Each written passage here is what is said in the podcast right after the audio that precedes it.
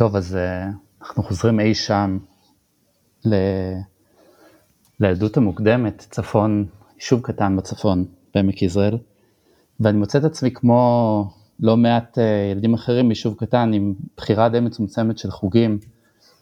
וקראטה, שלא שהיה לי שום קשר לזה ולא, אני גם לא הייתי מאלה שראו קראטה. קיד או משהו, זה, זה מה שהיה באולם ספורט, ואחרי כמה זמן עם החליפה הלבנה מוזרה והקאטות, זה פשוט נראה די מוזר, זאת אומרת התנועות האלה, לא, לא הבנתי למה זה קשור, ומתישהו גם התחילו לדרוש מאיתנו איזה פעילות גופנית אה, שיותר מבלתי קיימת, זה קפיצות צפרדע, אני לא זכור לי משהו במומם, זה כיתה א' או ב', בקיצור העסקה לא נראתה לי משתלמת במיוחד, ופשוט הודעתי, אני אפילו לא זוכר אם הודעתי, פרשתי, הפסקתי, ואני זוכר שעמדתי, פרשת ב... מהקראטה, פרשתי מהקראטה, כן, וכאילו הגעתי להישג, איזה הישג מפוקפק, נדמה לי עברתי למכ...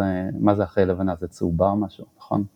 משהו כן, כזה. כתומה, משהו כזה, משהו כן, כזה. נתנו את זה בחינם, כמעט זה לא היה, זה, זה כמעט, זה לא היה משהו רציני. בכל מקרה פרשתי, ואז אה, שאל אותי אבא שלי שגילה את, ה, את הבגידה הזאת, אה, למה, למה פרשתי, ואני חושב שהייתי די חסר אונים, כי לא, נראה לי לא לגיטימי להגיד, זה פשוט לא, לא התאים לי המאמץ. אז אמרתי שכל הטובים פורשים. אין לי מושג למה זה מה שבחרתי להגיד, אבל מאותו רגע זה רדף אותי אה, לאורך אה, כל הילדות, אני חושב שזה גרם לי גם לא לפרוש מהמון דברים שאחרת הייתי פורש מהם, כי פשוט זה הפך למנטרה שמזוהה איתי עם, ה, עם הילד שהייתי, אה, כל הטובים פורשים. אז בגלל זה לא פרשת מדברים, או שבגלל כן, זה לא התחלת את הדברים? פיתחתי עם זה ממש, ממש יחסים, זאת אומרת אפשר להגיד שזה רודף אותי עד היום, כלומר הרגע המקרי הזה של איזה תירוץ מפוקפק שצץ במוחו של ילד שנמאס לו לעשות קאטות, אז, אז כן זה רדף אותי ואני חושב שבאיזשהו, באיזשהו, באיזושהי מידה זה גרם לי למחשבה שבאמת פרישה היא לא לגיטימית, מאחר שזה היה זה הושם ללעג, או לא בדיוק לעג, זה היה מין אמירה משעשעת כזאת, אז היה לי יחסים, יחסים קונפליקטואליים עם העניין של פרישה, אבל דווקא אחר כך יותר מאוחר בחיים אימצתי, כמו הרבה, הרבה תהליכים כאלה, אימצתי את, ה, את המנטרה הזאת בגאווה, ו, ואני מהדוברים... ואתה היום פורש מקצועי. כן, פורש מקצועי ומטיף לפרישה, ולא, לפרישות ולפרישה. כן, כן, זה, זה לגמרי אימצתי את זה. טוב, עמיחי עמית, שלום. שלום. כיף, כיף להכיר, להיפגש, להכיר. נפגשנו איזה פעם, אבל ממש לכמה דקות, אנחנו לא באמת מכירים. אני יכול אפילו להגיד דוקטור עמיחי עמית, כי שמעתי שאתה דוקטור. כן. ושמעתי שאתה מרצה באוניברסיטת תל אביב בחוג לפילוסופיה. אכן. ושאתה חבר סגל בקרן מנדל, מנדל, אתה תספר לנו מה זה אומר בערך. אבל יותר מעניין מזה, בלי להעליב את אוניברסיטת תל אביב, זה שאתה אחראי על שתי יוזמות שאתה עושה אותן בערב, בלילה, אני לא יודע, בזמן שאתה פרשת מדברים אחרים והתפנה לך, שאחת נקראת מעלות, שקשורה ללימודי משבר האקלים. ואחת נקראת משמע, שהיא קשורה לדיון פילוסופי בשאלות של משמעות בחיים, ואת זה אתה גם עושה גם קצת עם קמחי חברי הטוב, שאיכשהו לא ראיינתי אותו לפודקאסט, אבל אני חושב שפשוט הוא חמקמק מדי מכדי להצליח להתראיין. כן. אז, אז הרבה דברים מעניינים, ו, ואני ארצה לשמוע מה הקשר בין כל הדברים, ואתה תגיד שאין, ואני אכריח אותך. אז אתה תמצא אותו, ואיך יש לך זמן להתעסק ביוזמות האלה, וגם אם, האם אתה חושב שכדור הארץ עומד למות בדקות הקרובות או בימים הקרובים, או ממש אחרי שנצא מהקורונה נגיד, אז כאילו אתה תגיד, טוב חבר'ה, הסתיימה הקורונה וכולנו הולכים למות, כאילו אני אשמח דעה של מישהו אה, מקצועי. אה, כן. טוב, ורגע לפני זה ניתן למוזיקה את המקום שלה, בסדר? נתחיל בעוד שנייה. Yeah.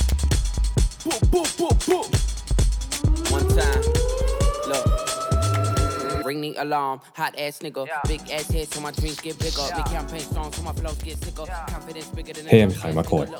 בסדר גמור, בסדר גמור, הקדמה... אז, אז... כן, אהבת? התחברת? כן, אני יודע, זה נתן הרבה משימות, נראה לי שיש הרבה על מה לדבר. תגיד, איך, איך מישהו שאוהב לפרוש, כאילו, הוא הופך להיות דוקטור? זה מסלול די ארוך. כן, שאלה טוב, שאלה מצוינת.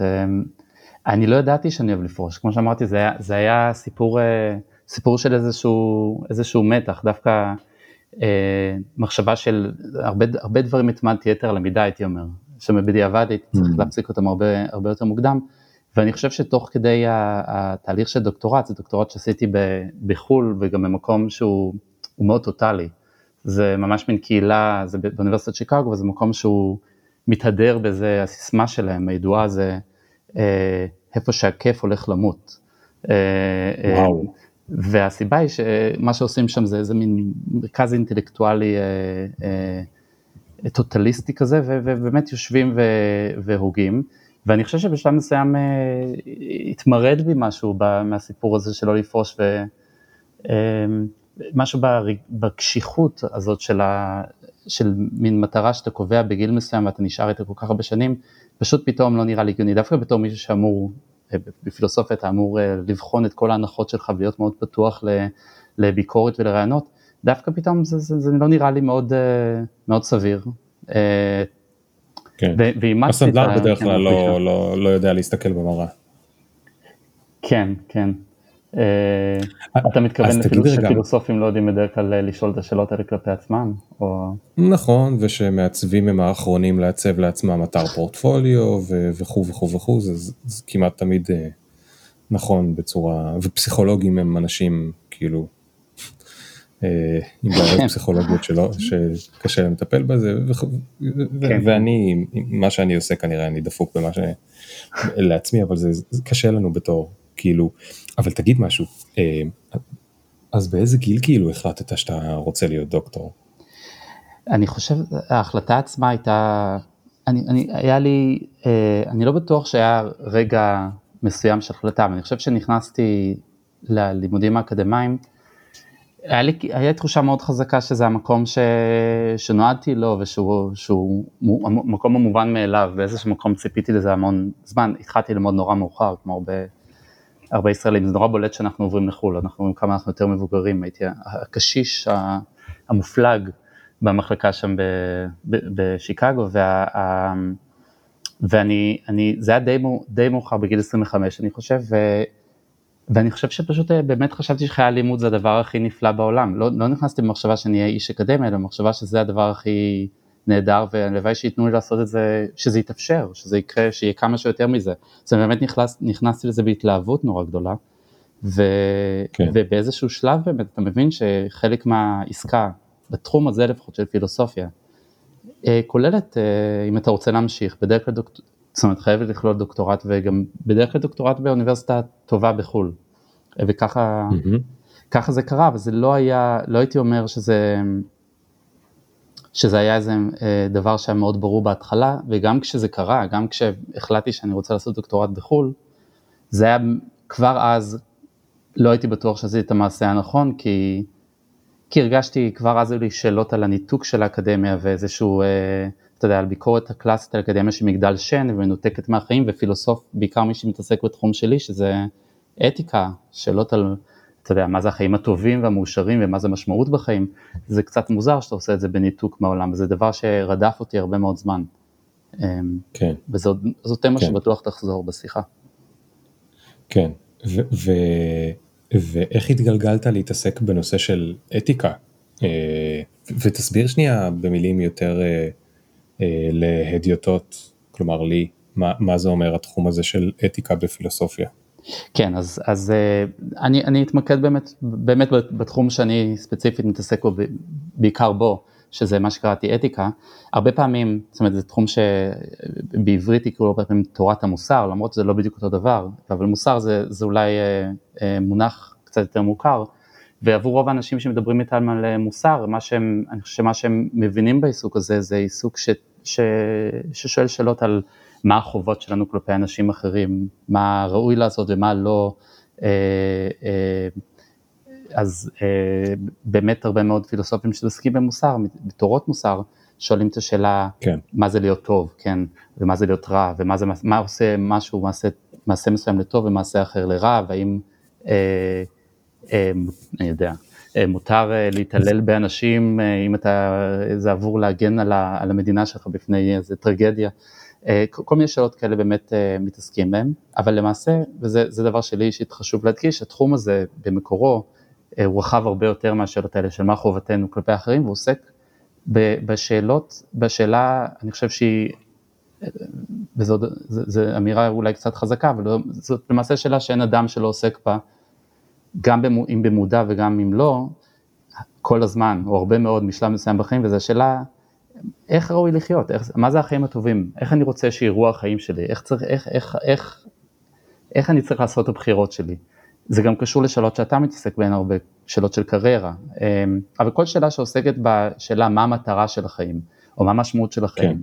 מה הם חיים מאושרים, כן. זה בתחום נגיד, של אתיקה.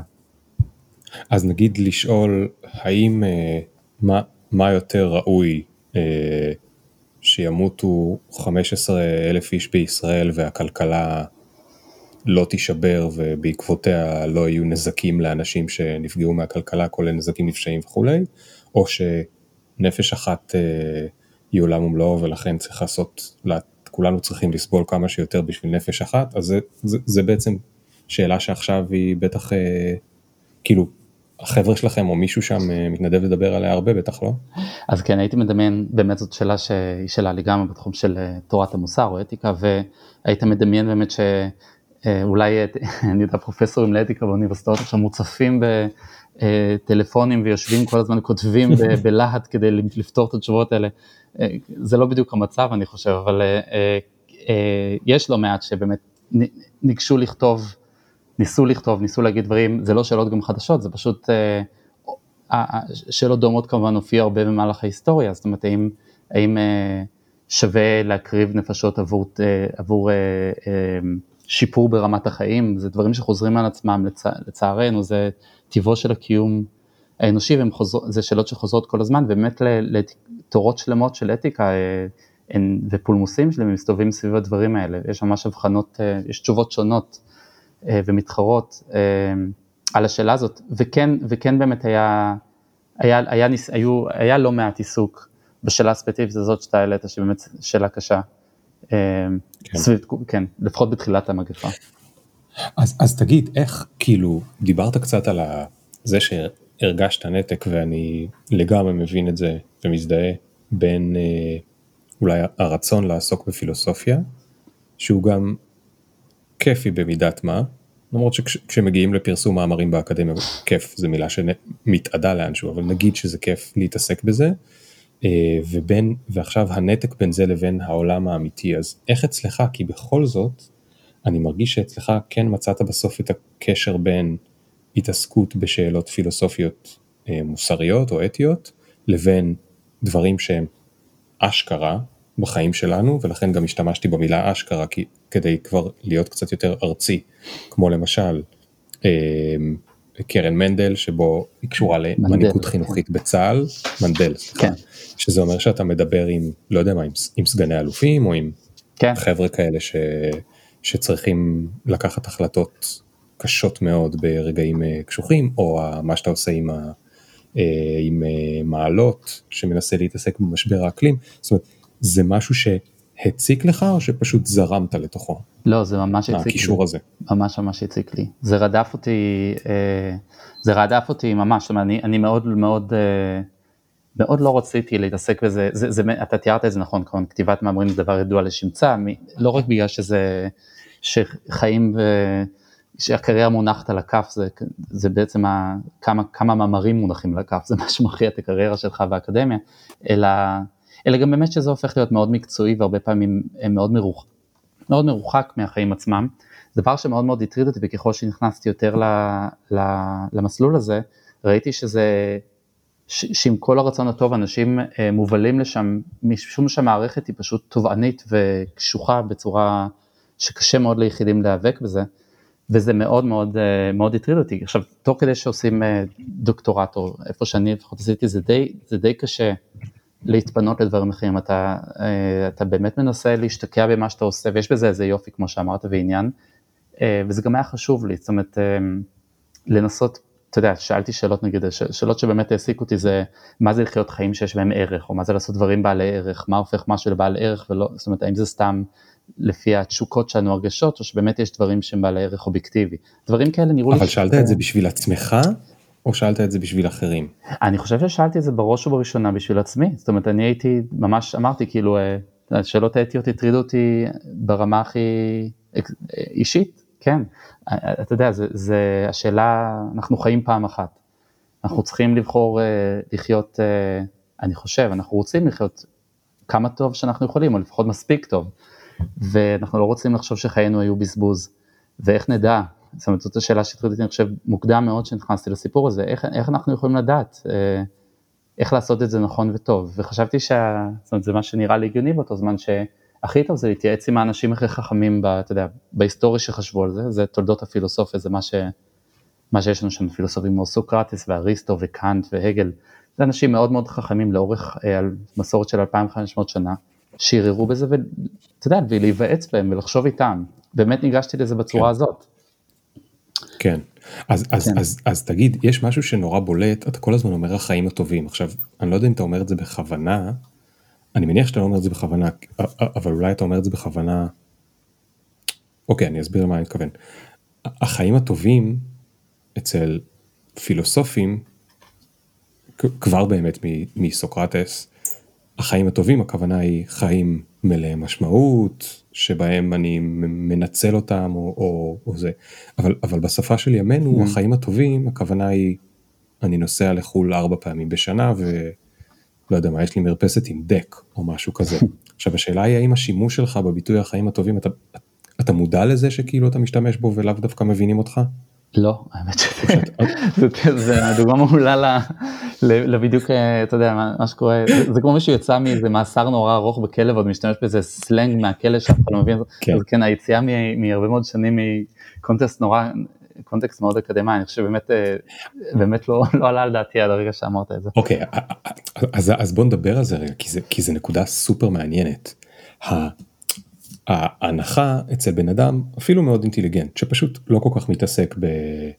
נגיד פילוסופיה, היא שהחיים הטובים הם מה שפופולרית נחשב החיים הטובים. למשל, אה, הוא מרוויח טוב, אולי הוא גם הצליח להשיג עבודה טובה, זאת אומרת, מי שמקשיב לפודקאסט הזה מאוד מבין ש, שמשמעות בעבודה או לא בעבודה זה משהו שהוא לא פחות חשוב מכסף בטח בענייני מוטיבציה כי, כי דיברנו על זה הרבה אבל בוא נדבר טיפה על הנושא הזה של למה אתה מתכוון או למה הפילוסופים הגדולים מתכוונים שהם אומרים החיים הטובים כי זה באמת כל כך זה, זה כל כך שונה מאיפה שאנחנו נמצאים ויכול להיות שכל הזמן מתחת לידיים שלנו יש לנו יכולת להשיג את החיים הטובים, ואנחנו בטעות רק מנסים לעשות יותר כסף או משהו כזה, ומפספסים את ההזדמנות שלנו לחיות חיים יותר טובים. כן, אז קודם כל באמת זאת, זאת ה... אני חושב שהצגתי את זה בצורה שקצת אה, עוררה את, ה, את הדחיפות של השאלה, זאת אומרת באמת זה, זה דבר שדורש בירור. אנחנו, אני גם, אני מקווה שאחר כך נגיע לזה שזה גם המטרה של הפרויקט הזה משמע, זה בדיוק להביא את הבירור הזה לאנשים. לתוך החיים של אנשים.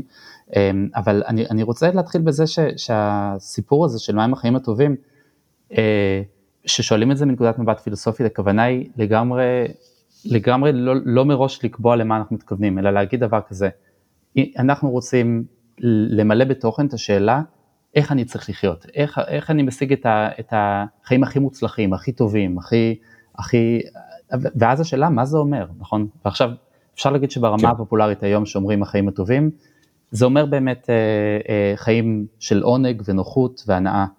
אה, ובאמת ש, שהביטוי הזה נאמר לא בקונטקסט פילוסופי, הוא גם משודח לו איזה דימוי כזה של חיים קצת נהנתניים. אה, אבל כן. אני, אני, עכשיו מה שאני רוצה להגיד זאת אחת העמדות הפילוסופיות, הדוניזם, הדוניזם אגואיסטי, זה, זה השם המקצועי לעמדה הזאת, וזאת עמדה שיש פילוסופים לגמרי רציניים, ש... שטוענים, כן, אלה, אלה החיים הטובים, זה החיים המאושרים, החיים שההנאה בהם רבה מאוד, רבה ככל שניתן. ויש לא מעט, לא מעט פילוסופים במהלך ההיסטוריה שזאת העמדה שלהם, שממש חשבו שהחיים הטובים זה החיים שיש בהם הכי הרבה הנאה.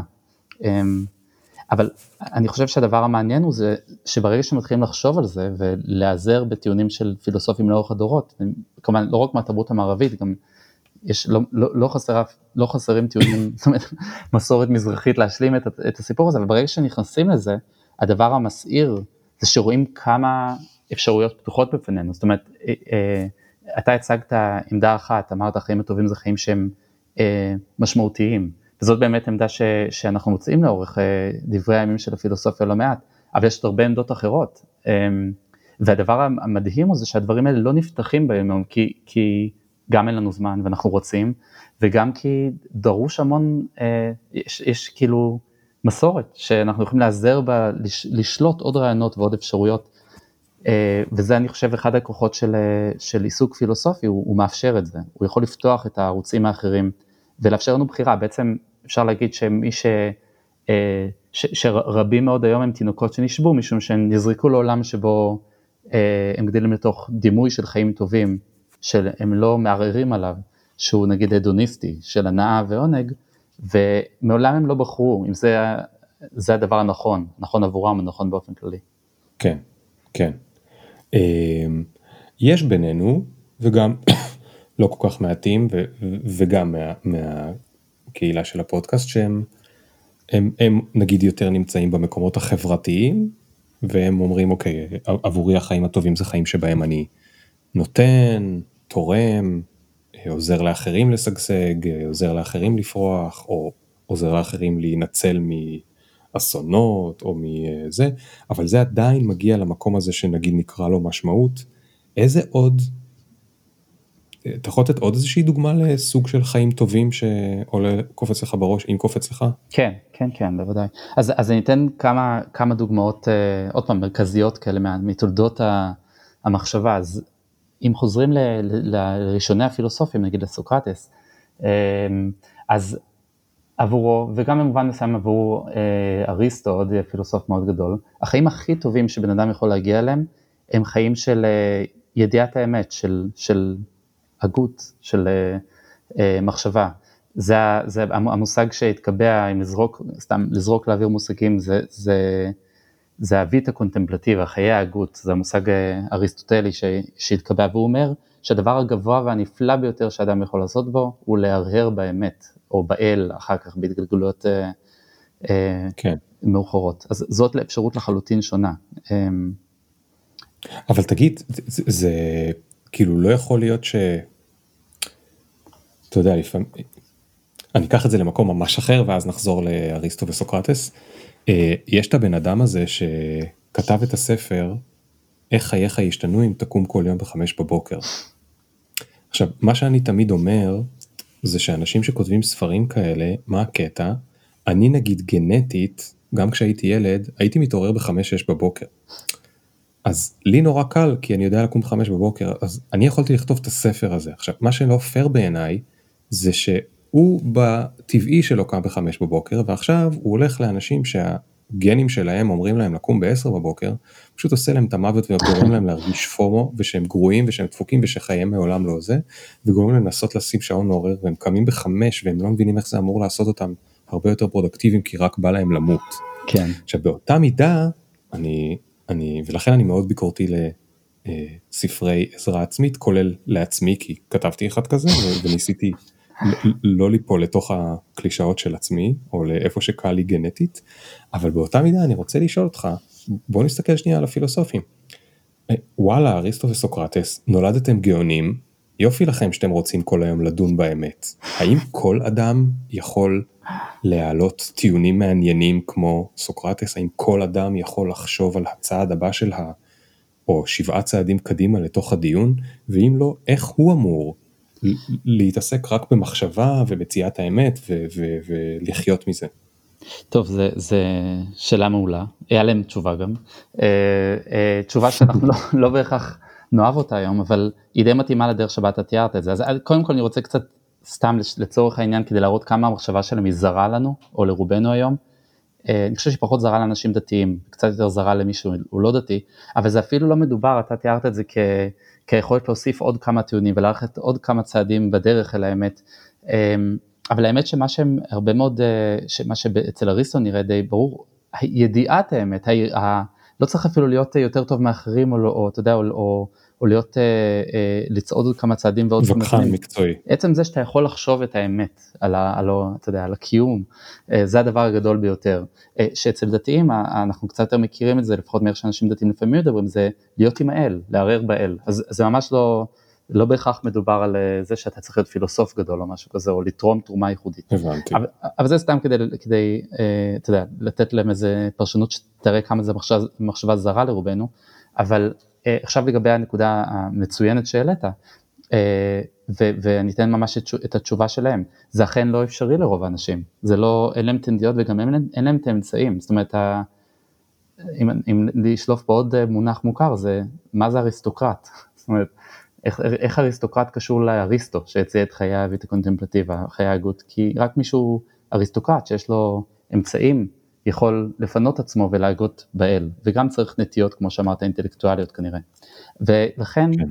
גם אריסטו וגם uh, אפלטון, uh, קודמו ומי שכתב את הגותו של סוקרטס, uh, שניהם חשבו שרוב האנשים זה לא החיים שהם יחיו ולכן עבורם יש, צריך לדון במה עבורם דרך החיים הכי מוצלחת. אז נגיד אצל אריסטו, oh, יפה, יפה. כן, זה ממש mm-hmm. ככה, זאת אומרת אצל אפלטון, אני אתעסק דווקא במה שאריסטו אמר, uh, הוא אמר שעבור רוב האנשים החיים הטובים, שים לב, אני חושב שזה דבר שהרבה מאיתנו יכולים להתחבר אליו, זה uh, חיים, uh, הייתי אומר בתור uh, אנש, אנשים אה, שהם אנשים מצוינים בתוך החברה שבה הם חיים, כלומר אנשים שתורמים הרבה לחברה, שהם חברים טובים, שהם אנשים אה, מוסריים, כלומר שהם אה, עושים מעשי צדק, שהם נוהגים באופן צודק, שהם נדיבים, זאת אומרת אוסף של מידות טובות, וזה עושה אותך אדם מצוין וזה החיים המעולים עבור אנשים, למעט אותם יחידי סגולה שמסוגלים לחיות את חיי ההגות, שזאת, אלה החיים הגבוהים ביותר, אבל אין לכולם את האפשרות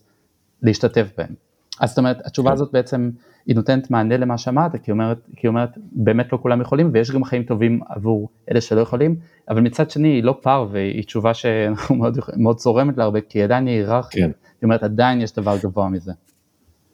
עכשיו תגיד, אה, היום כשכבר יש הרבה מאוד מחקרים אה, סוציולוגיים בכלכלה התנהגותית וכולי, היום יש את מדעי העושר, נכון? דוקטור טל בן שחר ו... כן.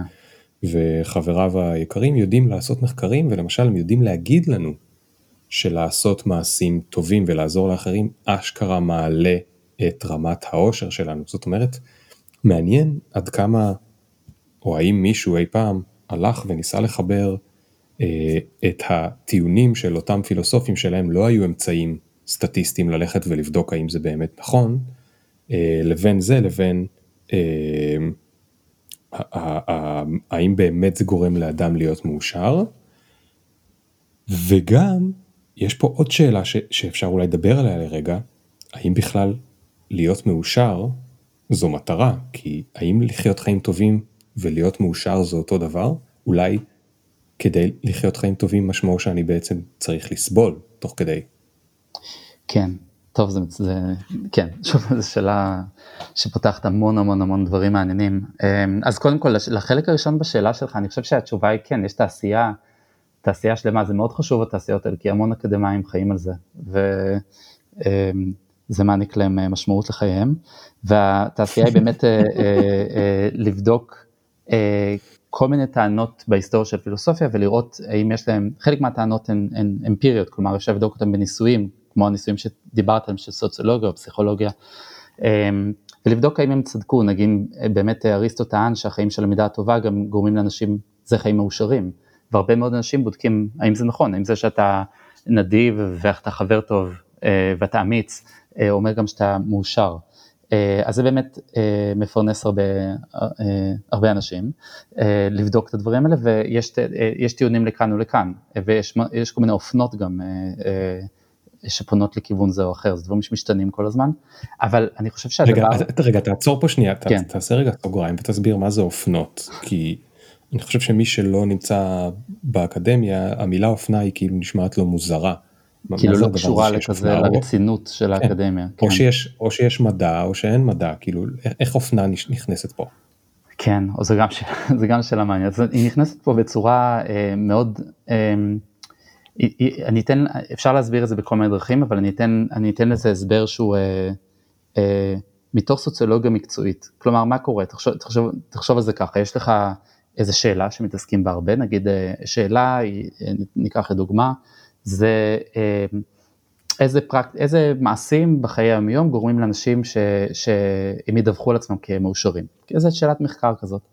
ואז כן. מתמלאים ג'ורנלים, זאת אומרת איזה מישהו חשוב שאל את השאלה, ומתמלאים ג'ורנלים בכל מיני תשובות, ונס, ונוצרת איזה פרדיגמה, איזה תשובה דומיננטית, נגיד התשובה אה, שרוב הניסויים באותה תקופה מעידים עליה, או שמישהו חשוב נורא כתב עליה, זה נגיד שמעשים טובים עבור אחרים גורמים לאנשים אה, להעיד על עצמם שמאושרים.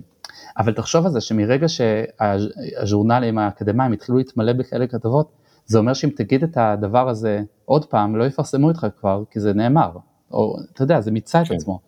הדבר הזה כן. מוליד באופן ממש, מבחינת מבנה המערכת, מוליד צורך בתשובה חדשה. אה, עכשיו, mm. לשים לב, הצורך הוא לא בהכרח, אה, לא בהכרח נולד מזה ש... שהתשובה הקודמת לא נכונה, זה פשוט יש... כן, יש זאת אומרת, אולי כבר גילינו את האמת, אולי כן. כבר גילינו את האמת, אבל בגלל שאקדמאים צריכים להמשיך לעשות פרסומים, כי אחרת הם לא יוכלו להמשיך בחייהם האקדמאים, הם צריכים להיות יצירתיים ולבוא עם עוד תשובות. בדיוק, כן. ו... ואם מישהו היה מספיק יצירתי ומספיק מבריק כדי לעשות, להביא, לספק איזושהי תשובה חדשה שהיא גם משכנעת מספיק, והיא גם שונה, אז בעצם נוצר גל חדש, אפשר לקרוא לו אופנה חדשה, כי סביב ההברקה הזאת ייבנה עוד פעם גל שלם של מאמרים ופרסומים שינסו לחזק אותה. נגיד, למשל, שדווקא בניגוד למה שחשבו שמעשים טובים הם אלה שגורמים לאנשים לדווח לעצמם כמאושרים, אמ, דווקא, אני יודע, לרוץ בבוקר ולקום בחמש בבוקר, אפילו זה נגד טבעך, דרך אגב, אני שונא לקום מוקדם, זה ממש, אני מרגיש שהחיים אה, אה, לא הוגנים כלפי אנשים נטייה לקום מאוחר. אמ, כן, אז אל תקרא את הספר הזה. כן, אני לא אקרא אותו, מבטיח. אז בקיצור, אז, אז זה כאילו באמת אה, גורם לזה שיש אופנות באקדמיה, למרות שזה נראה באמת דבר שמנוגד ל, לרוח ה, של הידע, הידע האובייקטיבי והמבוסס, אבל זה בהחלט קורה.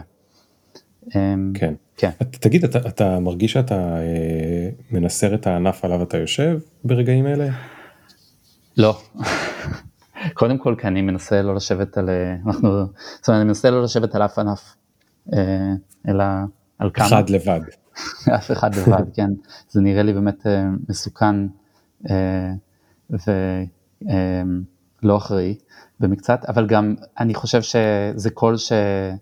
שלא מעט אקדמאים אה, ישמיעו, משמיעים כל הזמן, זאת אומרת לא תמיד בפומבי, כן. אבל זה, זה סוד לא שמור אה, לדעתי, אז אני כן. גם מנסר אה, ענף שכבר ניסרו, או ענף שאי אפשר לנסר.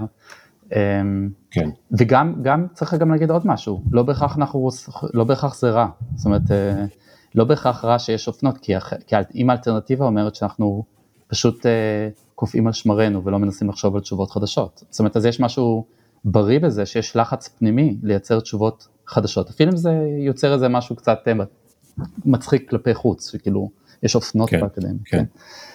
אוקיי, אז, אז, אז, אז הראת למה זה טוב ולמה זה רע, ואני אחזיר אותנו לדיון המקורי, אז, אז אמרנו שאריסטו אמר למשל, שחיים טובים אלה חיים שבהם אני עוזר ונדיב לאחרים ועוזר לאחרים בחברה, ואפילו הוא אמר שיכול להיות שזה יגרום לי להיות מאושר, ודיברנו על זה שהיום חוקרים האם זה גם נכון אה, מדעית. אה, את, אתה יכול לדבר, לתת דוגמה על אחד הפילוסופים שמקשרים בין הטוב ליפה, כי זה תמיד, כאילו בעולם המוסרי של המאה ה-20 שבו אני גדלתי, זה החלק שהיה נשמע הכי פחות כאילו הגיוני. אה, אה, בגלל האופנה שבה אני גדלתי, כן? שכאילו הטוב זה היפה. אתה יכול להרחיב על זה קצת? שנייה, אבל לפני שאני מרחיב על זה אני אשמח, אבל לפני שאני מרחיב על זה אני, אני כן רוצה להגיד משהו על, על אני, אני, כל מה שהספקתי להגיד קודם זה על זה שיש תעשייה שבודקת את ה... בודקת באופן מדעי טענות פילוסופיות שהוצגו, אבל אני עוד לא הספקתי להגיד שלדעתי, זאת אומרת אני לא אומר שזה פסול, אבל זה הרבה פעמים אי הבנה של מה הפילוסופים ניסו, של דברים שפילוסופים ניסו לעשות. אני, ואני אתן דוגמה למה אני מתכוון, כי אוקיי. Okay. אה, שאריסטו אומר, אה, יש פה המון פערים, קודם כל הוא, מה זה אושר אצל אריסטו, אז אין, הוא לא משתמש במילה אושר וגם לא הפינס, הוא משתמש במילה יוונית או אידאימוניה, שאין לה תרגום, זאת אומרת זה קונטקסט, אה, זה הקשר לשוני רחב מאוד, שאין לו תרגום מדויק באף אחת מהשפות העכשוויות, ולכן צריך לראות למה הוא התכוון ממש. ואחד הדברים המעניינים זה שאריסטו לא התכוון להנאה שהוא אמר אושר, לכן הרבה פעמים נגיד שבודקים אה, אה, היום באופן מדעי, נגיד באופן נוירולוגי אפילו, או באופן של עדות עצמית, האם באמת אה, אה, אה, מידות טובות, כמו שריצו דיבר עליהן, גורמות לאושר, בודקים משהו שהוא בכלל לא התכוון עליו, בודקים נגיד אם אנשים נהנים, אם, אם מענג להם, אם נעים להם, אבל אריסטו לא התכוון לזה, Mm, הוא, הוא, אוקיי. המושג אושר שלו מראש הוא לא מושג של אה, הנאה, אלא מושג שיותר דומה, אני אזרוק רגע זה בצורה די גסה, למשהו כמו מימוש עצמי או הצטיינות, זה, זה, זה, יותר דומה למושג האושר שלו. חיים מאושרים הם חיים של מימוש הפוטנציאל האנושי, אם תרצה בשפה עכשווית, אה, למשהו כן. שיכול לצלצל לנו כ, כאטרקטיבי. ואני חושב שכן, יש אנשים ש, שיגידו שזה אטרקטיבי, אה, רעיון שחיים מאושרים הם חיים של מימוש הפוטנציאל האנושי. אה, כן, אני, אני מאוד, אני מאוד שם, כאילו אני חייב לה, להודות על עצמי וגם מה שנקרא קלקלתי אנשים בציבור כי, כי אני כותב על זה הרבה, אבל אה, אה, אני, אני מאוד שם. זאת אומרת אני מאמין בזה באופן אישי אבל אני כאמור לא עשיתי על זה מחקרים בעצמי אז אני לא יודע. אה, התבססתי רק על של, של אחרים. כן, על השאלה האם עושר הוא מימוש הפוטנציאל העצמי, או איך הדברים האלה קשורים אחד לשני. זה, כן. כן, כן. כן.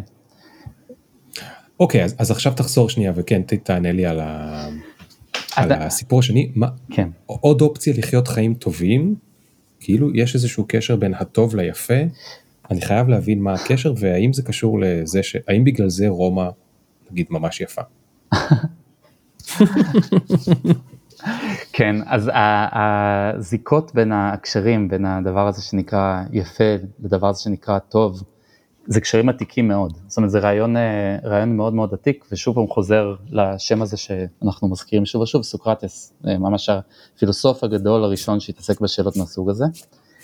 והוא, ב, ב, ב, אני אזכיר את זה כי זה דרך יפה לה, ל- לדבר, להגות בסיפור הזה של הקשר בין טוב ויפה.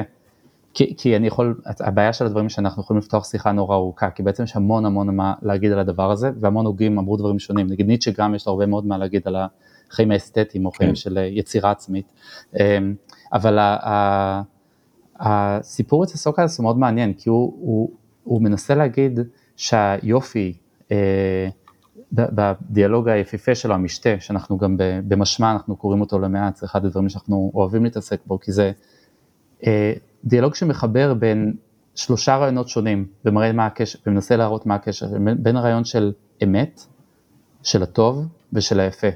והוא מראה ששלושת הדברים, הוא מנסה ל- ל- לטעון ששלושת הדברים קשורים. אז מה, איך הוא עושה את זה? הוא אומר שבעצם ה- היופי, הדבר, הדבר שאנחנו נמשכים אליו דרך החושים, היפה הרי זה דבר שהוא בניגוד למחשבות או למעשים, זה דבר שהיסוד שלו הוא בחושים, אנחנו רואים משהו יפה, שומעים משהו כן. יפה. אמ, אז הוא מראה שהיפה זה בעצם סוג של אה, סולם של הזמנה לעלות במדרגות של, ה, של הקיום האנושי למעלה אל עבר האמת והטוב. אז כאשר אנחנו אה, למשל אה, אה, נמשכים לבת זוג או בן זוג יפים, זה ברד פיט נגיד. כן, בדיוק, כן. זה, זה, זה חלק מהעלייה שלנו לכיוון רעיונות גבוהים יותר וצורת חיים גבוהה יותר. אמ, והוא חושב, באיזשהו מקום הוא חושב שברגע שאתה, אה, שאם אתה לא נתקע בשלב הראשוני הזה, החושני בלבד, אתה רואה שיש משהו משותף בין האנשים היפים או הדברים היפים, ואז אתה הוגה ביופי של ה... ביופי של הדבר המשותף הזה, נגיד סימטריה, כן? אה, אתה מגלה שכל הדברים היפים הם סימטריים, ואתה מבין אולי שהדבר שאתה באמת רצית זה סימטריה, ואז אתה חושב שאולי יש גם רעיונות יפים, רעיונות מושכים, ואתה מתחיל לעלות הלאה והלאה ברמות ההפשטה ולהימשך בסוף לרעיונות של אה, אה, שאולי הקיום האנושי הגבוה ביותר הוא קיום של ידיעת האמת או עשיית הטוב, והדברים האלה באופן כן. הזה הם מחוברים, כלומר שהיפה הוא סוג של הזמנה לחיים הגבוהים, זה, זה הצעדים הראשונים בדרך ל- לחיים הגבוהים אה, והטובים. אה, אבל יכול להיות שאתה התכוונת, יש לך אני- דוגמה למה התכוונת, יכול להיות שאתה התכוונת לזה משהו. לא, אתה, אתה, אתה, חשבתי על סוקרטס, חשבתי שאולי תענה עם קאנט או עם ניטשה, אבל תשמע, אני, אני קצת אפסיק, אני אעשה הפסקה רגע מההתעללות שאני עושה לך, כי אני באמת, אני אגיד לך מה קרה. אנחנו באמת לא מכירים, ואתה הוכחת לי שמשמע זה באמת אחלה יוזמה. אז נזכיר שנייה מה זה משמע, זו יוזמה שמעודדת דיון פילוסופי בשאלות מהותיות של החיים, וכמו שאני מבין ממך, זה דיון אה, פומבי, זאת אומרת, אתה שם, או קמחי שם, או שניכם שם, או עוד אנשים שם, ונמצאים, באים אנשים לדבר, ויש איזושהי שיחה פתוחה, אני מניח, נכון? פחות או יותר, כן. שעוסקת ב, בנושא ספציפי, או בכמה נושאים ספציפיים. אה, אני קורא לזה התעללות, אבל מי שמתעסק בדברים האלה, אה, ובייחוד מי שנמצא באקדמיה, מאוד קשה, אנחנו דיברנו על שמונה נושאים שונים, שכל אחד מהם כתובים עליהם איזה 4,000 ספרים, ויש עליהם 8,000 פרשנויות, ובגלל שאתה גם דוקטור בנושא הזה, אז כנראה שלך בעצמך יש 17,000 שעות שאתה יכול לדבר על כל אחד מהם, ועל כל אלה דיברנו בחצי שעה בערך, ומעבר וה... לזה שכל הדבר הזה מאוד עניין אותי, יש פה גם את העניין של איך מנגישים פילוסופיה לבן אדם של אין לו סבלנות עכשיו לארבעת אלפים שעות של דיון אלא הוא רוצה לדבר על זה שלושת רבעי שעה או שעה וחצי. אה, מכל מיני סיבות אולי אפילו יש לו סבלנות אבל אין לו זמן כי יש לו חיים מלאים בכל מיני דברים שהם טובים ויפים. אה, ואני קודם כל רוצה להגיד סליחה אבל גם להגיד תודה ש, שלא נשברת זאת אומרת ממש עברת איתי מנושא לנושא והצלחת לשים נקודה בסוף המילים שלך שזה מאוד קשה לשים נקודה בדברים האלה כי זה באמת מי שאוהב את הדיון הפילוסופי זה מאוד כיף לוקח מלא מלא זמן רק לספר על כל מה שכבר אמרו החכמים הגדולים וזה עוד לפני שאנחנו מתחילים לדבר על מה דעתנו בנושא ואיך הזווית של זה קשורה לזה, אז, אז, אז תודה על זה. אני עכשיו קצת רוצה לתחקר אותך על דברים אחרים ואז לחזור, אה, אם יישאר לנו זמן, לחזור לעניינים האלה שאני אה, אה, מאוד אוהב. אה, ורציתי לשאול בקשר לקרן מנדל, פעם אחת אני אצליח להגיד את זה כמו שצריך, אה, שם בעצם זה, זה, זה קשור ל... אה, בצה"ל, נכון? לא, זה קצת יותר, אה, יותר, קודם כל תן לי להגיד לך שזה רחוק מהתעללות, זה הדבר שאני הכי נהנה ממנו, זאת אומרת, זה, באמת אתה צודק שהדבר המצער זה שצריך לגדוע את זה באיבו, אבל נחזור למנדל, כן. מנדל, מנדל זאת, זאת, זאת קרן שעושה המון המון דברים, זאת קרן רחבת פעילות, ואני לא, לא, לא אספר הכל, אבל בעצם עושים, uh, uh, עושים, אה, ביסוד העניין הם, אה, הם אה, עוסקים במנהיגות חינוכית, אבל בהמון המון מקומות, החל מהחברה הבדואית או, או בית ספר מנדל עוסק במנהיג, בטיפוח מנהיגות חינוכית אצל אנשים די בכירים במערכת החינוך, גם שם אני, גם שם אני נמצא, זאת אומרת אנשים שעומדים להיות מנהלי בית הספר, ראשי אגפים, עוברים שם שנתיים מאוד אינטנסיביות, שהרעיון הוא מאוד להרחיב את האופקים, מאוד לטפח את היכולות והנטיות האלה למנהיגות חינוכית. אמ, ועושה, באמת, באמת יש תוכניות במקומות מאוד נרחבים, אה, אתה יודע, אני, אה, תרבות יהודית וחרדים. זאת אומרת שלוקחים כן. אנשים שהם מובילים בדברים, הם כבר מובילים בכל מיני מקומות כאלה, נגיד חינוכיים, ומה מנסים להפוך אותם למה? אז זה באמת תלוי, תלוי בתוכנית וכל מקום יש בו, אתה יודע, כל דבר יש בו דבר כל, כל אנשים מרקע מסוים דורשים טיפוח מסוג אחר, אבל הרעיון באמת אה, לטפח את הנטיות האלה שהם מגיעים כבר איתם, זה אנשים די בכירים, נגיד בתוכנית צבאית זה רבי סרנים, סגני אלופים, אה, שיש להם, זאת אומרת שהם מתעניינים בחינוך, זה חשוב להם והם כבר מוכחים כמחנכים, והרעיון הוא אה, לטפח את זה, וזה אומר למשל, כמו שאתה יכול להניח, אנשים שהיו בקריירה אינטנסיבית ב... בצבא לא היה להם הרבה זמן אה, לטפח את הידע שלהם נגיד באתיקה או בפילוסופיה ולפתוח את אופקיהם ולראות כמה אפשרויות יש וגם כמה אולי אה, אה, קשיים, דילמות, אה, לבטים יש. ו, והרעיון הוא לפתח את זה מאוד אצלם אבל גם עוד הרבה מאוד יכולות אחרות למשל היכולת לפתח פרויקט מאלף עד, עד תף ולהבין איך עושים אותו בתוך ארגון מאוד מאוד מורכב היכולת להעמיד נגיד אצל, אצל אנשים במערכת החינוך, אז היכולת להעמיד איזה תזה חינוכית חדשה או איזה, פרו, או איזה גישה חינוכית אה, ולדעת לאיזה מקורות לפנות, הדברים האלה דורשים המון טיפוח וזה נעשה שם באמת ב, עם, עם משאבים נדירים, ב, לפחות בקונטקסט הישראלי. אמ, אז, אז איך אתה הגעת לשם?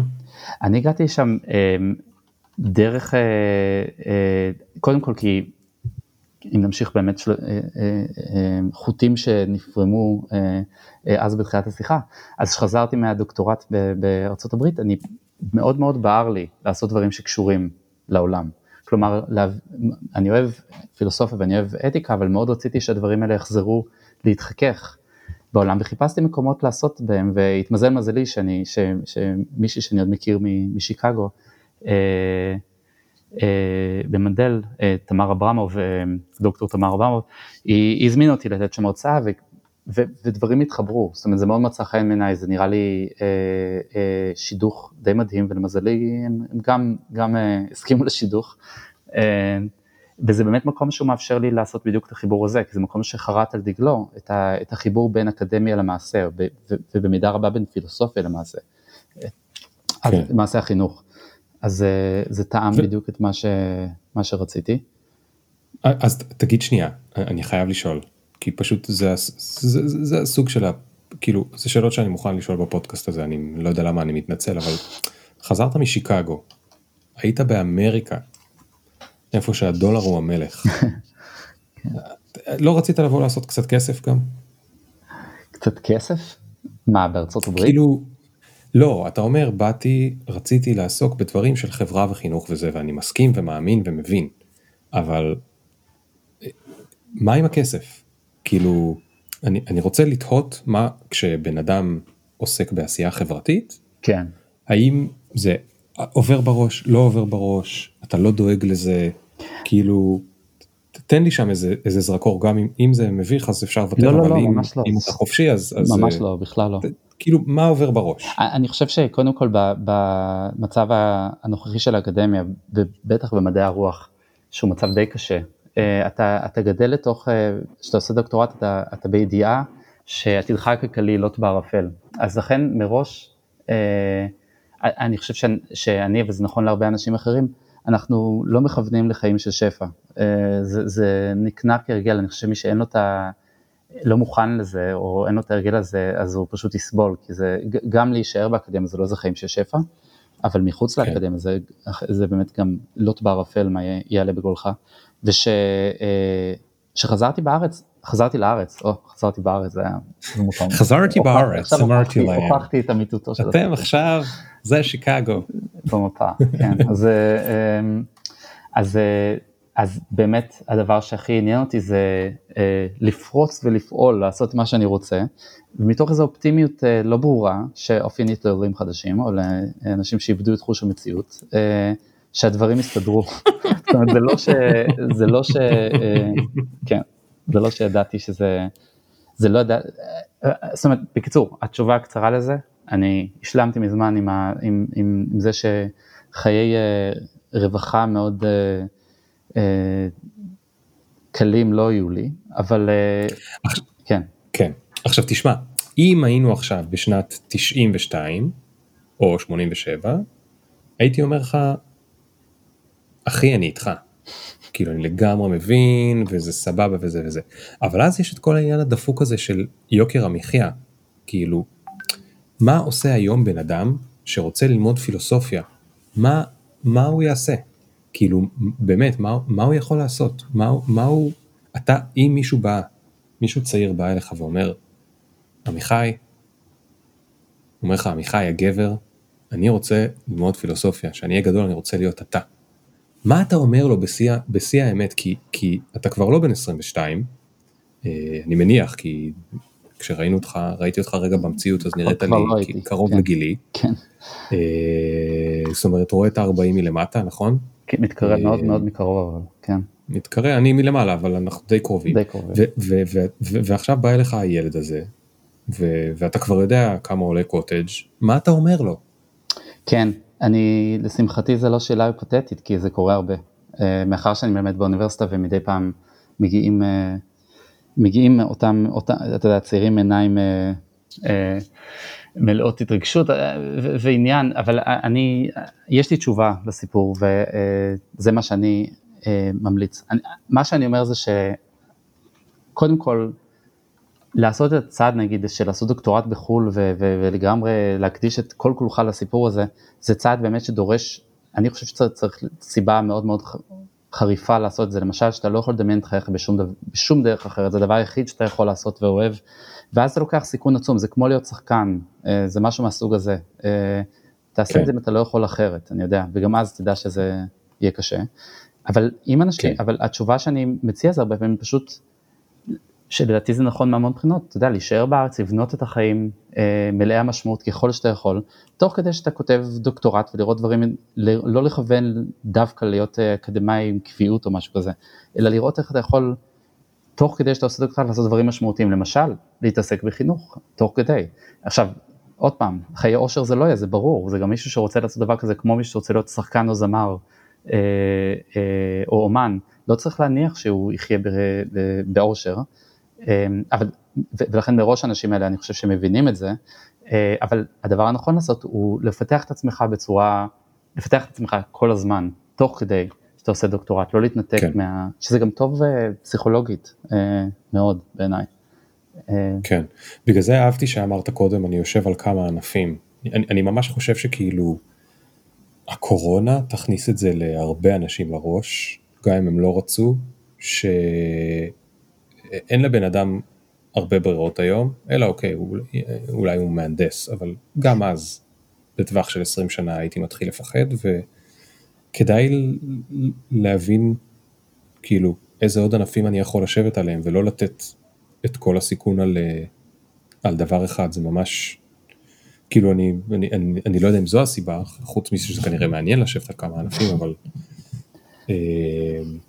כן, אני, אני חייב okay. אוקיי. להגיד לך ש, שזה לא בא מש, במקרה שלי, למרות שמה שאתה אומר נשמע מאוד מאוד נכון ו, והגיוני לימינו, ונראה גם שאתה, נראה לי משכנע שזה גם הולך ו, וגובר, זאת אומרת, זה העתיד שאליו אנחנו מסתכלים כרגע, אבל אני באמת דווקא לא, לא באתי בדיוק משם, אה, אלא באתי באמת מתוך איזה, אה, זאת אומרת, מדובר בדבר יחסית חדש עבורי, אה, ועם איזה, ובאמת תולדה של איזשהו אנרגיה עצורה של רצון לעשות, שהתפרצה לכל מיני כיוונים כרגע, ו, וגם מתוך איזה, וזה יכול להיות שזה כן קשור למה שאתה אומר, מתוך איזה הבנה ש, שזה בסדר אפרופו, זה בסדר לפרוש, אפרופו העניין של כל הטובים פורשים, זה בסדר גמור לפרוש, יש משהו עוצמתי ו, ומפרה ברעיון של פרישה, זאת אומרת אם בוא נגיד אה, אה, יוזמה מסוימת שנכנסת אליה לא מצליחה, זה בסדר גמור לחתוך אותה עוד לפני ש,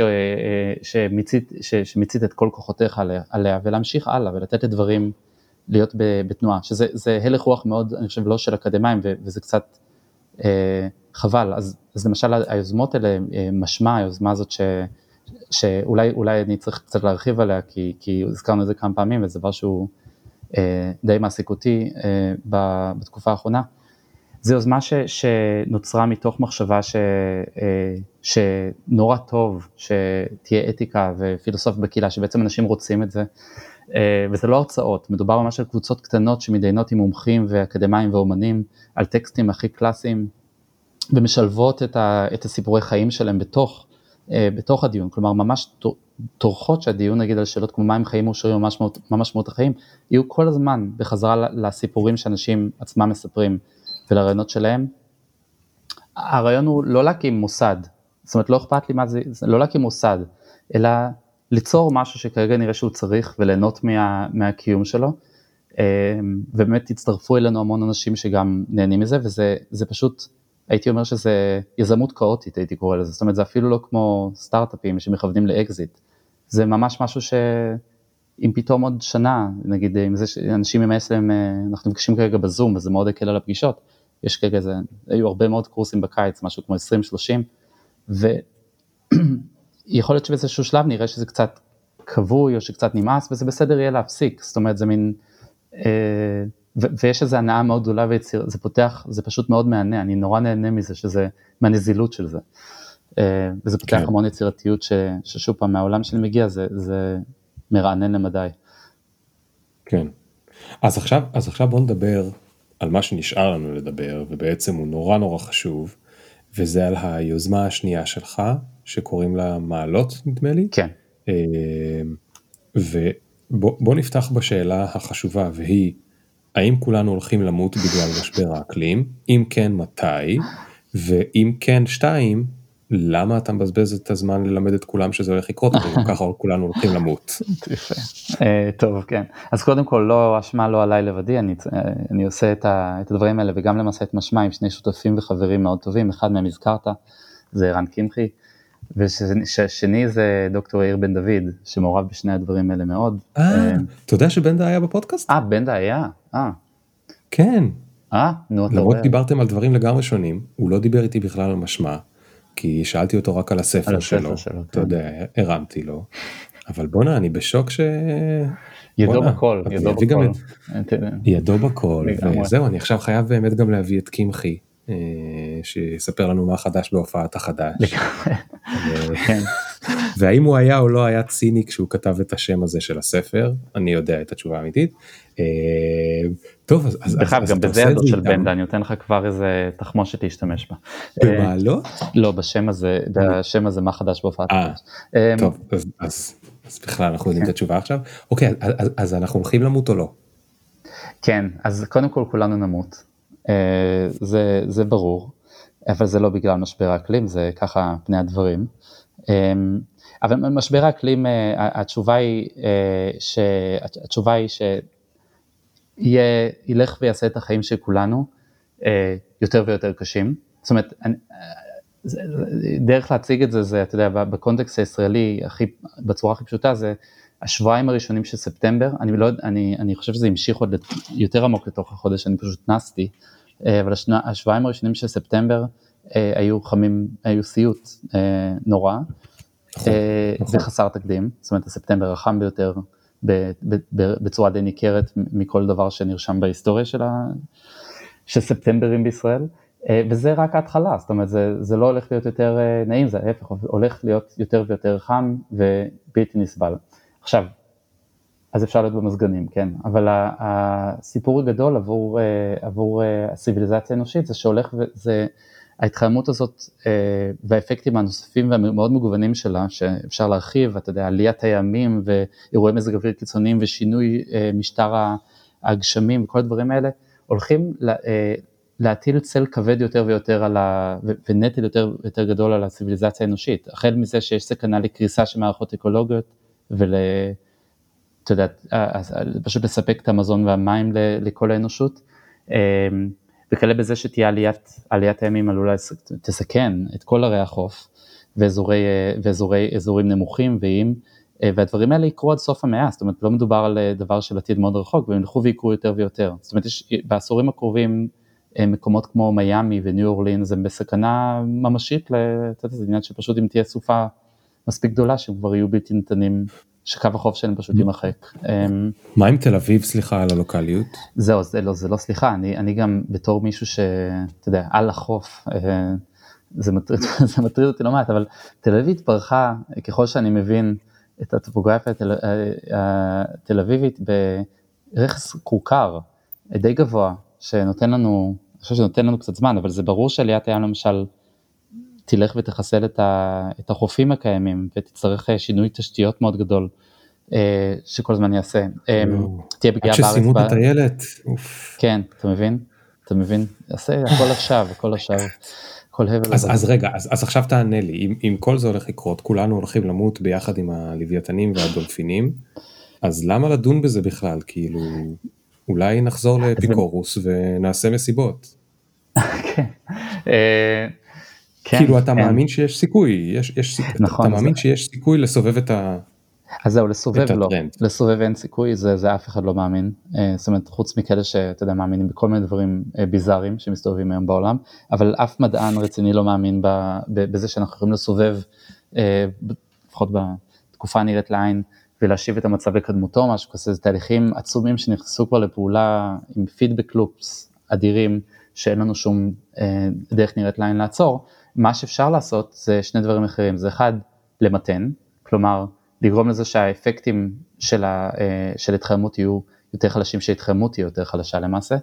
אה, אז למשל יש לאנושות לפי מודלים שמדענים אפשרות לגרום לזה שעד סוף המאה אה, אה, הממוצע הטמפרטורות לא, לא יעלה ביותר משתי מעלות, זה כאילו היעד שאנחנו נחשפים אליו כעת וזה דורש מאמץ גלובלי אדיר. אז הנה אה, אה, פה התשובה למה אני חושב שמאוד צריך לדבר על זה והאמת שהרבה הרבה יותר ממה שמדברים על זה כרגע לפחות בארץ.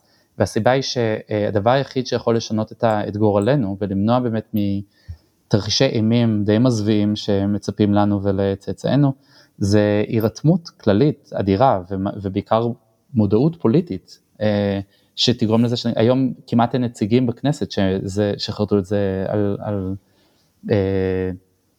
על, על דגלם, זאת אומרת זה דבר מאוד מאוד נדיר וזה צריך להיות דבר מאוד מרכזי, בעולם זה כבר הופך ונהיה דבר מרכזי אפילו בארצות הברית ולכן חובה לדבר על זה, זאת אומרת זה הנושא, זה צריך להיות נושא שפותח, אתה יודע, מהדורות חדשות כל יום אה, בעולם אידיאלי. אבל תגיד, אני, אני, אני חייב רגע להמשיך לעצבן, למרות שאני כאילו, אני בעד האקלים, כן? לא רוצה להישמע כאילו אני נגד האקלים, אבל אני לא נוסע במטוסים בכוונה, אה, אבל קודם כל אתה אומר, לא נוכל לסובב את הגלגל, אלא פשוט במקום שהנכדים שלנו ימותו מצונאמי, הנכדים שלהם ימותו מצונאמי, אבל השאלה היותר חשובה היא, האם אתה הרי, אתה דוקטור לפילוסופיה, זה אומר שבהכרח גם אם לא תרצה אתה מכיר גם היסטוריה. יש תקדים לזה שבני האדם הצליחו לעשות משהו שקשור למאה שנה קדימה? כן. אנחנו בקושי מסתכלים שנתיים קדימה. כן, זה, זה מצער, אה? כאילו כמה אופטימיות יש לך, אני מעריץ אותך. כן. ש, ש... כן, אני, אני לא בא להחליש את ידיך, לא, אתה כן? שכנעת אותי, אני באמת... למרות אה, שזה נשמע ככה. לא, די שכנעת, נראה לי שצריך לרדת מזה. אה, טוב, שמע, יש לי עדיין את משמע. אתה יודע, תפנה את הדומיין. תפנה את הדומיין. לא, סתם. אה, כן, מה שאני בא להגיד זה... כן. יש דוגמאות קצת, לשמחתי. שזה האתגר. כן, זה האתגר. שזה האתגר, נכון? כאילו, אין ספק שהאקלים מתחרבן מול העיניים שלנו, ובאמת לא היה ספטמבר כזה, בניגוד למה שהורים תמיד אומרים והם סתם ממציאים, אנחנו באמת בספטמבר כזה. ואני רואה את כל הסרטים של דיוויד נטינבורו, שהפך כן. את החיים שלו למסע צלב. באיחור. לעזור ל... כן. באיחור, כן, כן. כי הוא עשה כיף מדי כשהוא היה צעיר. כן. אמ, ו... ו... ו... ו... אבל אני חושב שהאתגר הגדול הוא ההנגשה, כאילו איך לעזאזל מורידים לאנשים את האסימון. נכון. נכון, אתה צודק, אז אני רוצה להגיד כמה דברים. דבר ראשון לגבי האמירה המדכאת והמאוד נכונה שאמרת לגבי מה, באיזה עולם אני חי בדיוק, שאני חושב שהאנושות תדאג עכשיו למשהו שיקרה עוד עשרות שנים, עזוב, לא, לא צריך מאה שנה, זה דבר שהוא כבר עכשיו משפיע וגורם לנזקים עצומים, זאת אומרת, כל אנחנו מקבלים חדשות מהעולם על, ה, על נזקי המשבר האקלים, דרך אגב שבחישוב כלכלי משתל, משתלם כבר עכשיו לטפל בהם, זאת אומרת, זה, זה אבל באמת מאיפה האופטימיות? אז קודם כל היו, היו מקרים, אפילו בעניין הסביבה, אה, אה, אתה זוכר מילדותנו את ה... אחרי שאנחנו באותו גיל אין לי סיכון בזה, את, אה, את אריאל זילבר והמבול והחור באוזון. כן. הוא ערבב שם את כל הנושאים הסביבתיים ביחד, אבל, אבל הוא מדבר על החור נכון. באוזון, כולם היו נורא מודאגים מהחור באוזון, ולא מדברים על זה כל כך, הסיבה היא לא שנשתכח מאיתנו החור, אלא שהעניין טופל, זאת אומרת היה אמנת מונטריאול, סוף שנות ה-80, וכל המדינות, זאת אומרת, המדינות נרתמו להפסיק להשתמש בפריאונים וחומרים אחרים שיצרו את החור באוזון, ואכן הפסיקו, והחור הולך ונסגר, לפי אה, מה שאני מבין. אמ, אז, אז, אז אכן אירוע נדיר של שיתוף פעולה אה, עולמי. אה, אז הדברים האלה קור, הם קורים, כן. עכשיו, אני בשוק ממה שסיפרת לי. אתה רואה? זה, אפשר לשאוב אופטימיות מההיסטוריה. שוק. אני בשוק, אבל אני, אני רוצה לשאול אותך בגלל שאתה מבין בזה, אוקיי, אז, אז, אז עשית אותי אופטימי, אבל עכשיו אני רוצה לעשות אותך רגע עוד פעם להקשות, כי לא יודע למה, באתי כנראה במצב רוח אה, קרבי. כן. אמ, לא, אני לא קשה, אבל אני, אתה פשוט חכם, אז זה מעניין אותי, ל, ל, אני יודע שחשבת על הדברים האלה. אז תראה, אז הפסיקו להשתמש בדאודורנט והחור באוזון נסתם, שמח לשמוע, באמת לא עדכנו אותי, קיבלתי כן, כן, כן, משתפר. הולך, הולך והשתפר, אבל אתמול קראתי איפשהו בארץ שנגיד הפסיקו לצוד כלבי ים בנדמה לי מרילנד, ועכשיו הכלבי ים שם כאילו מתרבים בצורה שהיא חסרת תקדים, וכאילו הם דופקים את הדייגים, הם דופקים את הזה, אי אפשר להסתובב שם בלי שאתה כאילו מחליק על איזה כלב ים. העניין הוא שכאילו חור באוזון נגיד זה משהו שאפשר לטפל בו, אבל הרבה מהדברים שקשורים ל... נגיד לחיות או בכלל למערכות אקולוגיות זה משהו שאתה כאילו זה לא מערכת פשוטה שאתה לוחץ פה ויוצא לך שם צלוב. אתה כאילו עושה משהו ואלוהים יודע מה יקרה עם זה כאילו כאילו כלבי ים השתלטו עלינו על משהו. הם יודעים מה צריך לעשות? לא? אז קודם כל אתה נורא צודק, זה, זה, זה, הסיפור של משבר אקלים הוא, הוא מורכב בסדרי גודל מהסיפור של החור באוזון, והוא באמת עוסק בכל העולם ובכל האקולוגיה הזה, ובכל התעשיות האנושיות, כלומר שם היה מדובר באיזה סקטור מסוים בעייתי, ופה מדובר על הכל כמעט, זאת אומרת כל מה שמערב דלקים, אה, דלקי מאובנים, כן, הדלקים שאנחנו משתמשים בהם, אז מדובר בסיפור אה, מורכב בצורה שמפוצצת את המוח, זאת אומרת זה בלתי נתפס. אה, אבל, אבל אחד הדברים המעודדים בסיפור הזה, בסיפור של מה ניתן לעשות, זה שיש דברים מסוימים שברור שטוב לעשות, ועליהם באמת צריך להתמקד, ואני אתן דוגמאות, דוגמאות לדברים שניתן לעשות ודווקא הולכים טוב, עוד פעם כדי לתת קצת, לטעת קצת אופטימיות, שאנחנו לא לגמרי אבודים. אז למשל אחד מהדברים שניתן לעשות זה אה, לשנות את אה, מקורות האנרגיה שלנו, זאת אומרת היום רוב, עדיין רוב מקורות האנרגיה, מה זה רוב? רוב גדול של המקורות האנרגיה שלנו, הדרך שבה אנחנו מפיקים חשמל ומניעים מכוניות ואת התעשייה, זה בשריפה של אה, דלקי מאובנים, כלומר, שאתה יודע, גז טבעי, פחם ו- ונפט, אה, והדבר הזה, השריפה היא משחררת אה, פחמן דו-חמצני ומתאן, ו- וזה גזי חממה, זה הגזים שיוצרים את ההתחממות הגלובלית, כן? עכשיו, כן. מה זה אומר? שאם אנחנו נוכל או לצמצם את צריכת האנרגיה, זאת אומרת לעשות נגיד אופטימיזציות ו- ויעילות יותר גדולה, או, ו- ובנוסף לזה, להחליף את מקורות האנרגיה, למשל אנרגיה סולארית, אנרגיית רוח, אנרגיה גרעינית, אנרגיה גיאותרמית, ועוד הרבה מאוד רעיונות כן. מבריקים, אז מצבנו ישתפר, והיופי בזה, שכשאתה מתחיל אה, לערב טכנולוגיות ומתחיל אה, לגרום למצב שבו יש תמריץ כלכלי אה, להחליף את מקורות האנרגיה, זה קורה, וזה אכן מה שקרה בעשור האחרון, הרבה מזה בגלל ה scale-up שסין עשתה לתעשיות האלה, אבל היום האנרגיות הזולות mm. ביותר להפקה זה רוח ואנרגיה סולארית, זולות יותר מגז טבעי, זה גם הסיבה שגז הטבעי בארץ, וזה דבר שקורה אל מול עינינו, בקצב מאוד מהיר. כן. וכאן אין שאלה, וכאן, וכאן יש פחות שאלה מהסוג שהצגת, של באמת המורכבות העצומה של המערכות האקולוגיות, כי אה, אה, זאת אומרת זה יוצר נזקים אקולוגיים, כן? ברור שיש פה סחר מכר מסוים, אבל אנחנו חייבים, חייבים בצורה מאוד מאוד דחופה אה, להקטין מהר את אה, פליטת גזי החממה. אם נגיד כל המכוניות היו חשמליות מחר, אז למעט הנזק שהבטריות עושות, אבל נגיד חוץ מזה, אם המכוניות מחר היו חשמליות, יודעים להגיד שזה אשכרה יעשה כאילו שיפור מטורף?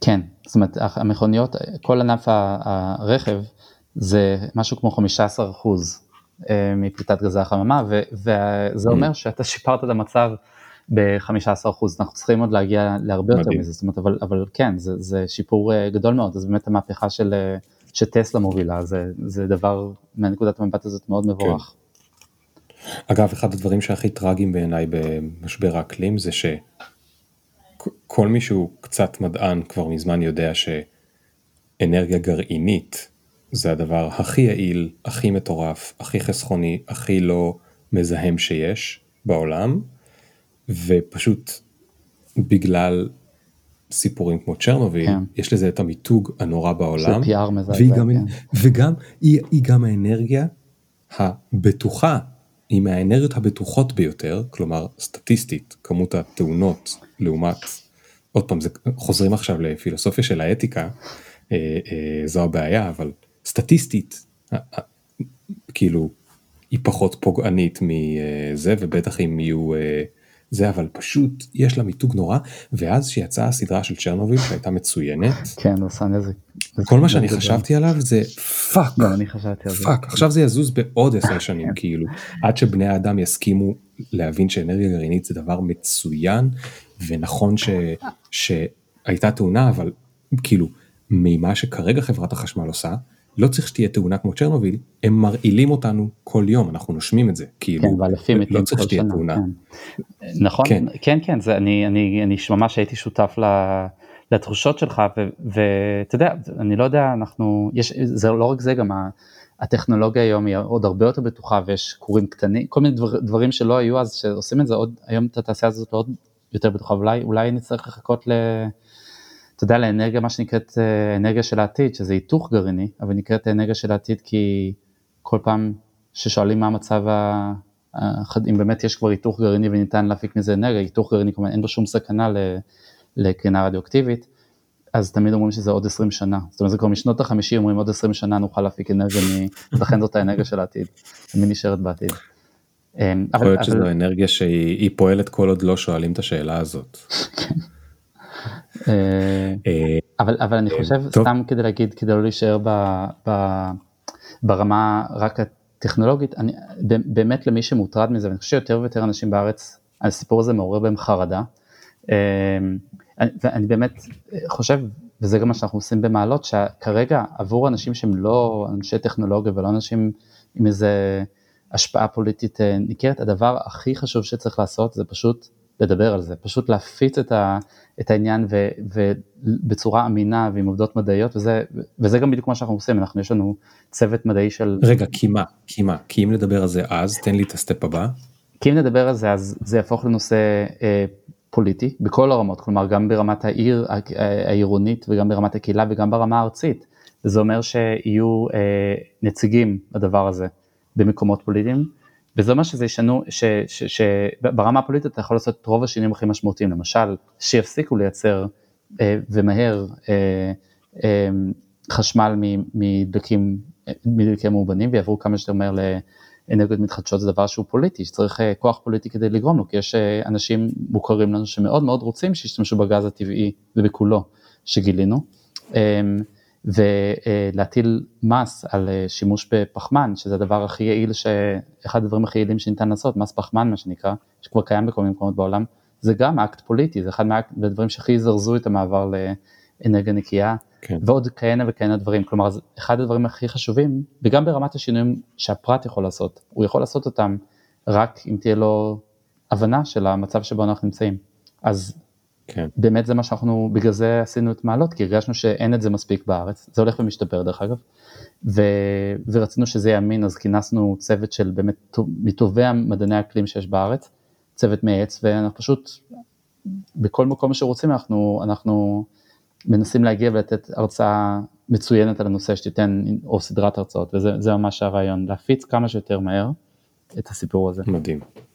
אז קודם כל אני קורא לכל מי שנמצא באיזושהי קהילה או חברה או זה ו, ורוצה להביא את זה, לה, כי, כי הנושא הזה חשוב לו כי הוא רוצה למות קצת אחרי, אה, יותר לאט, ולעזור לילדים שלנו, לפחות כאילו לא ללכת עם מסכות עוד יותר גרועות מהמסכות קורונה, מסכות ממלחמת העולם, אה, לקרוא לעמיחי והחברים שלו, שמסתבר שזה כל החבר'ה שלי שם, כי כשהם לא סיפרו לי אף פעם, בנדה וקמחי, אה, ושהם יבואו להרצות לכם, יש שם גם עוד כמה מרצים. כן. אה, זה, אני בטוח שזה מעניין, כי הם כולכם אנשים חכמים ומעניינים ויודעים לדבר בשפה ברורה. וגם רציתי לשאול אותך, האם אתה אופטימי בקשר לדור הצעיר? כי אנחנו מדור ה-X, אבל אומרים על המילניאלס ועוד יותר על דור ה-Z, שהנושא הזה הוא באמת חשוב להם. בעוד שאצלנו אומרים שזה חשוב לנו, אבל אולי אנחנו גם קצת ציניים, על דור ה-Z אומרים שהדבר הזה הוא באמת חשוב לו. כן. אה, הם אשכרה יכולים על בסיס זה כאילו הם ילכו לבחירות. אתה מאמין בזה? אז, אז אני, אני, אני אחלק את התשובה לשתיים. בעולם, זאת אומרת במערב, זה כנראה נכון, אני, אני הייתי ב, ב, במקרה, יצא לי להיות לפני שנה, היית, הייתי בניו יורק כשגרטה אה, אה, טונברג הגיעה לסירת מפרס שלה לניו יורק והייתה שם צעדה במנהטן של מאות אלפים שצעדו ברחובות מנהטן, דבר שהוא בחזית אדיר, אמריקאים הם, הם, הם, הם לא מפגינים גדול, זה לא תחום שמצטיינים בו, לצאת בהמוניהם לרחובות ולהפגין, למרות שלאחרונה היו כמה כאלה. בכל מקרה היו שם... גרטה אה, טונברג זה הילדה הזאת? כן, השוודית. אה, שהיא mm. uh, כוכבת נוער, יש לה מעריצים רבים, וברחובות היו, הייתי האיש הזקן ביותר, זאת אומרת היה צעדת צעירים, אנשים ממש תיכוניסטים, אבל מאות, אלפ, מאות אלפים, um, אז זה היה דבר מדהים, ואכן זה דבר שהצעירים מובילים בארצות הברית, וגם אני יודע שלפי סקרים, ככל שהצעירים הם, הם תומכים בנושאים האלה, זה ה-Green New Deal שמדובר עליו, אותו uh, אה, תפיסה אמריקאית אה, לעשות ממש מהפכה אה, שתשקיע המון כמו, ה-New Deal בשנות ה-30, אבל עכשיו תעשה, תשקיע המון כספי ממשלה כדי להתמודד עם משבר האקלים וליצור תוך כדי זה גם מיליוני משרות חדשות. זה צעירים מאוד מאוד תומכים בזה. עכשיו, החלק השני של התשובה שבארץ אני הרבה פחות בטוח, אה, כי יוצא לי קצת להרצות ויוצא לי לראות כמה צעירים מתעניינים בזה ומבקשים את זה, ואני לא כך בטוח. בהפגנות על נושא האקלים, באמת יש רוב של צעירים, אבל הן מאוד קטנות עדיין, אז זה לא מייצג אה, את כן. הנוער בישראל. אני קצת, אז בקיצור, יש, נדרשת פה הרבה עבודה, וגם אני לא בטוח שאני יודע למה בארץ אה, זה לא תופס, אולי בגלל שיש הרבה נושאים אחרים שהם אה, דחופים מאוד. אני אגב מבלה את הסגר הנוכחי, לא יודע מתי ישמעו את הפרק הזה, כאילו אולי גם בעוד שנה ישמעו אותו, אז סגר גל מספר 2 של הקורונה מתוך 7 כנראה, אני מבלה אותו בטבעון, אה, ולמרות שהיום הדבר הפופולרי זה להפגין אה, נגד ביבי, אז הייתה פה אתמול הפגנה אה, של הדגלים השחורים, אבל שלשום, באותה כיכר קטנה של טבעון, הייתה הפגנה על האקלים, ומאוד הרשים אותי שבתוך ההפגנות הפופולריות עכשיו נגד, נגד הממשלה וחוסר הטיפול בקורונה, הם גם עדיין מוצאים את הזמן להפגין נגד האקלים, ואני כאילו אני קורא לכם לגייס את אה, טבעון לטובת מעלות, זה נשמע שהם. טובים בזה. אה, ידעתי שטבעון כן. הוא אה, מרכז של מודעות סביבתית, למרות שזה זה הגיוני, יש בזה מין היגיון, כן. כן, כן. הם אוהבים פה מאוד את הטבע ואת החיבור לקרקע ושיש להם, אנשים מגדלים פה גם עיזים, כאילו אני מטייל פה ב, ביער וראיתי דברים שלא ראיתי הרבה שנים. אה, טוב, עמיחי, אנחנו לצערי הגענו לסיום הפרק כי כבר גלשנו מעבר לשעה. אה, היה לי מאוד מעניין. הייתי מאוד שמח להמשיך לדבר איתך על, ה, אה, על עמנואל קאנט וניטשה ומה הקשר שלהם ליפה ולטוב, אבל זה דווקא מי שזה השאיר לו טעם של עוד, אנחנו נשלח אותו לאתר של משמע ונשים את הלינק בפודקאסט, אה, כי, כי אתם פשוט עושים את הדבר הזה, זה גם נראה לי חינם או משהו, לא? זה כאילו מאוד זול, זה מי ש- כזה- מי שיכול משלם ומי שלא מאוד זול, משלם, אוקיי. כן. אוקיי, זה מאוד uh, לטובת הציבור, ו... אז ת, תלכו לשם ותשמעו, כאילו, תהיו בדיונים עם אנשים חכמים, אני... נשמע לי כיף מאוד. בוא אה, גם, היה ממש כיף לדבר, אני מצפה... אני. גם אבוא, אני גם אבוא. אני גם אבוא. אה, אה, אני חייב לשאול אותך שאלה אחרונה לסיכום, פשוט כי זו שאלה משותפת בכל הפרקים. אה, אה, והשאלה הולכת ככה, אה, עמיחי, אני מצטער, אתה טס במטוס, אני פשוט מצטער כי אני יודע שיש לזה. חרא של פוטפרינט. כן. אבל, אבל אתה טס במטוס והקברניט מודיע שבעוד אה, שלוש דקות אתם הולכים להתנגש בסלע ולמות. אה, ברצינות זה כאילו השאלה המשותפת לכל הפרקים, אני יודע שזה נשמע לא רציני. אה, מה אתה חושב כשאתה אומר לעצמך יואו איזה באסה שלא הספקתי וואי. או, אה, שאלה, קטלנית. אה, כן, נרד, נרד, טוב, יש, וואי. אה, שמע, שמע, במובן מסוים אני רוצה להגיד, כאילו יש לי תשובה רצינית ותשובה פחות רצינית. נגיד, כאילו אם צריך לבחור. דבר אחד, אני, טוב, אוקיי, אז את שתיהן. אז דבר אחד, זה שאני, אני, אני, אה, יש דבר אחד שכאילו נכנסתי אליו יחסית לאחרונה, והוא מושך אותי יותר ויותר, ולא הספקתי, לא הספקתי להיכנס אליו ממש, וזה עניין של, אה, של אה, מדיטציה. אה, ו, ולכן הייתי מצטער על זה. זאת אומרת, זה דבר שפשוט מושך אותי, אבל פשוט לא הספקתי עוד אה, לעשות, לתרגל מספיק, ולא הייתי באף ריטריט, וזה יצער אותי אה, להתנגש בסלע לפני שאני יושב על סלע בכמה ימים. כן ו... אבל זה מצד אחד, זה כאילו, זה לא באמת מה ש... אני חושב מה שהייתי מצטער עליו, זאת אומרת, צריך לחשוב על המחשבה האחרונה, כאילו, על מה לא... אז, אז הייתי אומר שהכל, זאת אומרת, באיזשהו מובן, כאילו, נראה לי ש... ש... שכל ה... ש... שהדבר הכי מצער בדברים האלה זה ש... אמ, כאילו, אם החיים הם מלאים, ו... ו... ואתה אה, כרוך בדברים, ו... ו...